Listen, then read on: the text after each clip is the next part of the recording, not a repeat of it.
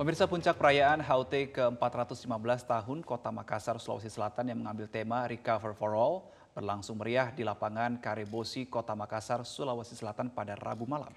Tidak hanya dihadiri warga Kota Makassar dan unsur Forkopimda, puncak perayaan ini juga dihadiri sejumlah politisi hingga tamu undangan mancanegara dari enam negara serta perwakilan perusahaan global. Gelaran puncak perayaan Hari Jadi Kota Makassar, Sulawesi Selatan ke-415 tahun yang mengambil tema Recover for All ini diawali oleh gala dinner tamu undangan yang hadir di pelataran Karebosi. Tidak hanya dihadiri oleh Forkopimda Kota Makassar, Sulawesi Selatan, namun juga Forkopimda Lingkup Provinsi Sulawesi Selatan seperti Gubernur Sulawesi Selatan Andi Sudirman Sulaiman, 24 bupati dan wali kota yang ada di Provinsi Sulawesi Selatan, dan 64 kepala daerah dan wakil kepala daerah di Indonesia.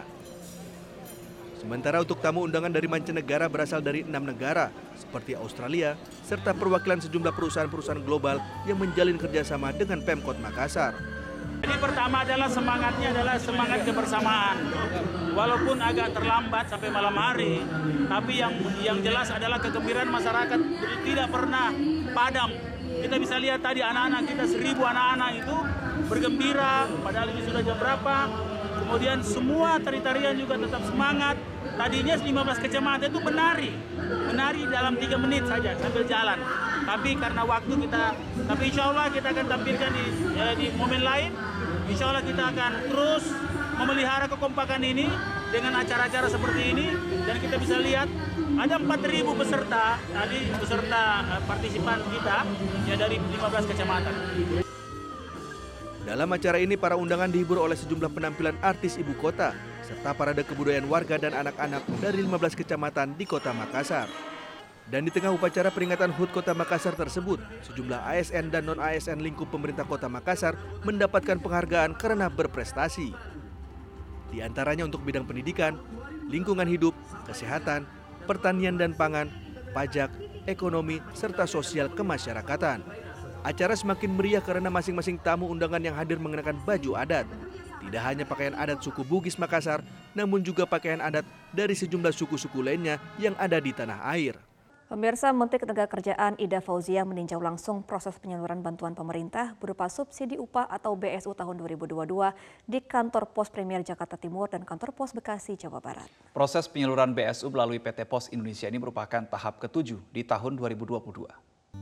Mengawali kunjungan kerjanya, lokasi penyaluran BSU pertama yang dikunjungi Menaker Ida Fauzia berada di kantor Pos Premier Pulau Gadung, Jakarta Timur. Menaker mengatakan, secara nasional, BSU tahun 2022 telah tersalurkan kepada 10.321.436 orang atau setara 80,30 persen. Sedangkan tahap 7 yang disalurkan melalui PT Pos Indonesia sudah tersalurkan kepada 1,2 juta orang. Jadi kami apresiasi terima kasih kepada PT Pos yang mempercepat proses penyalurannya. Mudah-mudahan uh, segera tersalur semua 3,6 yang disalurkan melalui PT Pos Indonesia. Terkait dengan pendataan, rata-rata mereka ini kartu atau tanda identitasnya hilang sehingga mereka tidak bisa mencairkan ini. Kami minta Pak Bu Dirjen sama Bu Direktur untuk mencari jalan keluar bagi masyarakat yang berhak menerima BSU tapi kartu identitasnya seperti KTP-nya hilang. Direktur Utama PT Pos Indonesia, Faisal Rohmat Jumadi menambahkan, PT Pos Indonesia sebagai salah satu penyalur BSU juga telah bekerja secara maksimal. Di mana PT Pos Indonesia membuka layanan penyaluran BSU setiap hari, termasuk di hari Sabtu dan Minggu. Bahwa ada tiga cara, pertama penerima manfaat bisa datang di kantor pos mana saja di Indonesia ya. Tadi ada case sedang liburan ke Bekasi dari Manado, tahu dapat BSU langsung datang ke kantor pos di Bekasi ini. Yang kedua kita salurkan ke perusahaan-perusahaan di mana mereka bekerja yang ada komunitas tentunya ya mungkin ada 10 orang, 12 orang, 20 orang terima kita ke sana. Yang ketiga tentu kita antar langsung terutama untuk yang sakit di rumah sakit atau di rumah yang memang ya mungkin sakitnya tidak bisa tidak sebentar gitu ya. Dari kantor Pos Jakarta Timur, rombongan Menaker dan Pos Indonesia langsung melanjutkan peninjauan penyaluran BSU di kantor Pos Bekasi. Ida melihat dashboard pos Girokes yang memuat data penyaluran BSU secara real time, salah satunya data Ani Nuraini. Satu penerima BSU dan beberapa penerima lainnya yang disaksikan langsung Ida sudah otomatis masuk dalam dashboard. Oh, dilayaninya tuh luar biasa dengan petugas-petugas yang ada gitu loh. Mereka ramah dan mereka mau membantu. Tidak ada kesulitan sama sekali. Justru malah lebih sulit untuk mencairkan di Bank Hambara. Semoga ya ada dapat bantuan lagi. Kalau bisa ya, apalagi untuk saudara-saudara uh, kita yang masih membutuhkan.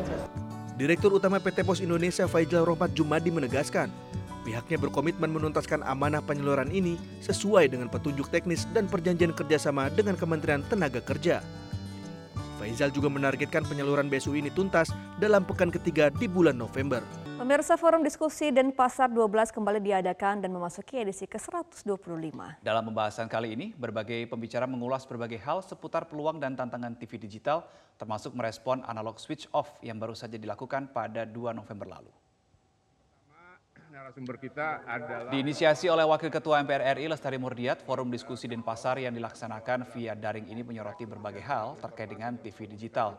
Dirjen Informasi dan Komunikasi Publik Kemkominfo Usman Kansong menyebutkan TV digital mempunyai sejumlah tantangan dan keuntungan serta dapat dilihat dari tiga aspek, yakni politis, ekonomi, dan teknologi.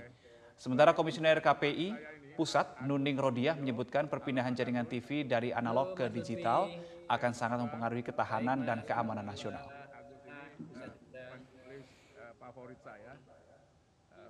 Dengan TV digital memenuhi hak publik untuk mendapatkan program ataupun konten ataupun siaran yang berkualitas. Dan yang terakhir, ini saya kira juga sangat penting, TV digital akan menjadikan masyarakat, menjadikan rakyat bukan cuma sebagai penonton atau objek, ya, tetapi dia juga menjadikan masyarakat sebagai subjek atau pencipta konten atau konten kreator. Dari upaya-upaya ASO ini adalah menjaga pertahanan dan kedaulatan informasi. Karena apa? Ini akan meminimalisir luberan siaran asing, akan kemudian memberikan informasi yang jauh lebih clear dan lebih menarik karena gambarnya lebih jernih, uh, lebih bersih, lebih jernih. Presiden Joko Widodo menganugerahkan gelar pahlawan nasional kepada lima orang tokoh nasional. Penganugerahan gelar ini dihadiri sejumlah pejabat nasional dan kepala daerah. Presiden Joko Widodo menganugerahkan gelar pahlawan nasional kepada lima orang tokoh nasional pada Senin 7 November 2022. Penetapan gelar pahlawan nasional tersebut dilakukan di Istana Negara Jakarta. Penganugerahan tersebut berdasarkan keputusan Presiden nomor 96 garing TK garing 2022 tentang penganugerahan gelar pahlawan nasional yang dibacakan Sekretaris Militer Presiden Laksamana Pertama Hersan.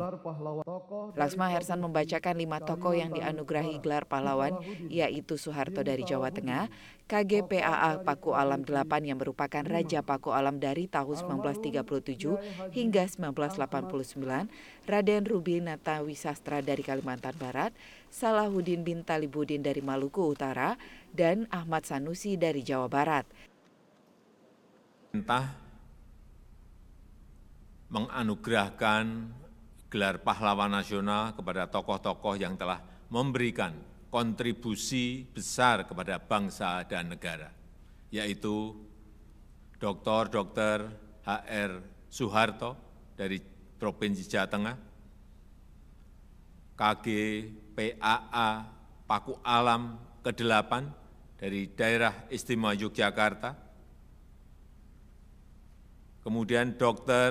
R. Rubini Nata Wisastra dari Kalimantan Barat, dan Haji Salahuddin bin Talabudin dari Provinsi Maluku Utara, serta Kiai Haji Ahmad Sanusi dari Provinsi Jawa Barat. Setelah Kepres dibacakan, Presiden Joko Widodo menyerahkan plakat gelar pahlawan nasional kepada masing-masing ahli waris mereka. Penganugerahan gelar tersebut dihadiri sejumlah pejabat nasional dan kepala daerah, di antaranya Menteri Sekretaris Negara Pratikno, Menteri Agama Yakut Kolil Komas, Menteri Sosial Tri Risma Harini, Sekretaris Jenderal PDI Perjuangan Hasto Kristianto, Gubernur Jawa Tengah Ganjar Pranowo, dan Gubernur Jawa Barat Ridwan Kamil.